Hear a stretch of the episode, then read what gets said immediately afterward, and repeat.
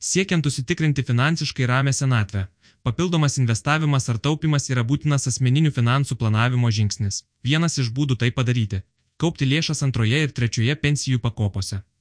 Nors kaupimo pensijų fonduose sistema veikia beveik du dešimtmečius, vis dar galima išgirsti mitų, kurie dalį fonduose ketinančių kaupti gyventojų gali suklaidinti. Kokie tie mitai ir kaip juos galima paneigti?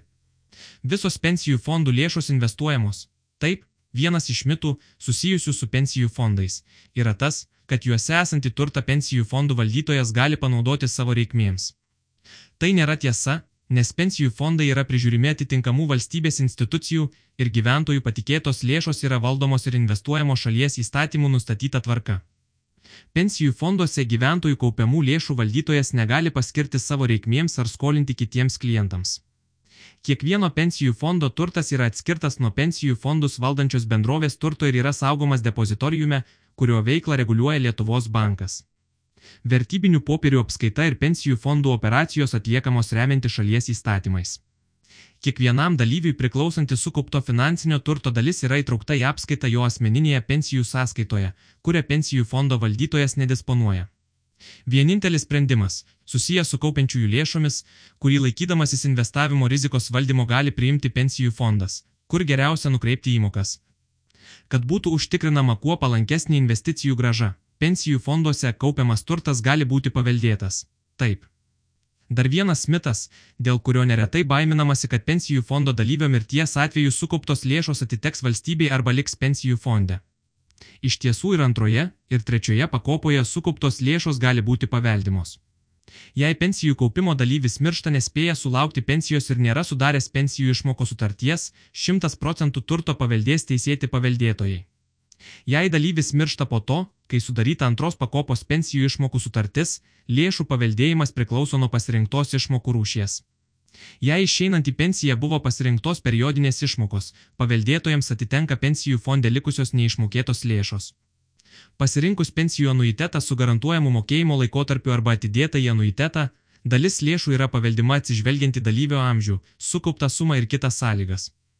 Jei fondų dalyvis gavo vienkartinę išmoką iš antros ir arba iš trečios pakopos, pervesta į jo banko sąskaitą, šios lėšos, kaip ir kitas banko sąskaitose esantis turtas, taip pat yra paveldimos. Efektyviausia kaupti lėšas ir antroje, ir trečioje pensijų pakopoje. Taip, norėdami užsitikrinti finansiškai ramę senatvę, turėtumėte rinktis ne tarp antros ir trečios pakopų, o kaupti lėšas abiejose vienu metu. Skaičiuojama, kad sodros pensija ir pensijų antroje pakopoje sukauptas turtas ateityje užtikrins iki 50 procentų prieš pensiją buvusių pajamų. Tuo metu norint išėjus į pensiją išlaikyti panašią gyvenimo kokybę, kaip ir anksčiau išmokos turėtų siekti apie 70 procentų ankstesnių pajamų. Kaupintieji antroje pakopoje gali tikėtis 15-20 procentų ankstesnių pajamų siekiančios išmokos, o trūkstamą dalį gali pridėti kaupimas trečios pakopos pensijų fonde. Be to, kaupdami abiejose pakopose gyventojai maksimaliai išnaudoja valstybės numatytas paskatas kaupimui, skatinamąją įmoką antroje pakopoje kuri per 2023 metus sudarys 286 eurus ir gyventojų pajamų mokesčio lengvatą trečioje pakopoje kuri per metus leidžia susigražinti iki 300 eurų gyventojų pajamų mokesčio. Netekus darbo įmokų mokėjimas sustabdomas. Taip. Jeigu baiminatės pradėti kaupti pensiją antroje pakopoje dėl galimo pajamų netekimo, jaudintis nereikėtų. Praradus darbą, tolesnis įmokų mokėjimas į pensijų fondą yra sustabdomas automatiškai. Ir dėl to žmogui nesusidarys jokių mokėtinų sumų arba skolų. Svarbu paminėti ir tai, kad per visą kaupimo laikotarpį gyventojai antroje pakopoje gali padaryti 12 mėnesių kaupimo pertrauką net ir gaudami nuolatinės pajamas. Jei pensijai skirtas lėšas tuo metu norima nukreipti kitoms reikmėms. Įmokų mokėjimas trečioje pakopoje pensijai kaupiantiems gyventojams yra savanoriškas, nepriklausomai nuo gaunamų pajamų. Jų dydį galima nustatyti savarankiškai, atsižvelgiant į savo finansinės galimybės ir norimus pasiekti kaupimo tikslus. Verta atsiminti, kad geriausių rezultatų investavime padeda pasiekti reguliarumas ir ilgalaikis požiūris, todėl nusprendus kaupti trečioje pakopoje, reikėtų stengtis palaikyti kad ir mažesnių. Tačiau nuolatinių įmokų mokėjimą. Antroje pakopoje lėšas pensijai naudinga kaupti. Taip. Visi gyventojai, kurie kaupia lėšas antros pakopos pensijų fonde, nuo šių metų pradžios nuo savo atlyginimo prieš mokesčius skiria 3 procentus dydžio įmoką. Papildomai jie gauna skatinamąją įmoką iš valstybės biudžeto, kuri sudaro pusantro procento nuo ankstesnių metų vidutinio atlyginimo šalyje. Tokia įmokų tvarka reiškia, kad gaunantieji mažesnį atlyginimą už vidutinį į savo fondą gauna santykinai didesnę paskatą palyginti su tais, kurių atlyginimas yra didesnis už šalies vidurkį. Mažesnis asmeninis indėlis ir didesnė valstybės paskata mažesnį nei vidutinį atlyginimą gaunančius gyventojus turėtų labiau motivuoti kaupti antroje pensijų pakopoje.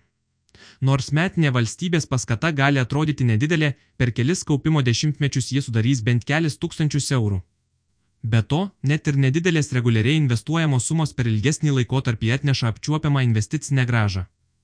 Tuo metu itin didelės pajamas gaunantiems gyventojams taikomos tam tikros įmokų lubos, tai yra įmokos į antros pakopos pensijų fondus yra skaičiuojamos nuo draudžiamųjų pajamų, kurios per metus neviršyje 60 vidutinių darbo užmokesčių dydžio. Galiausiai antros pakopos pensijų fonde sukaupus didesnę kaip 64,8 tūkstančių eurų sumą. Sulaukus pensijos ją viršijančią dalį galima iš karto gauti kaip vienkartinė išmoka, o už 64,8 tūkstančių eurų sudaryti pensijų anuiteto sutartį.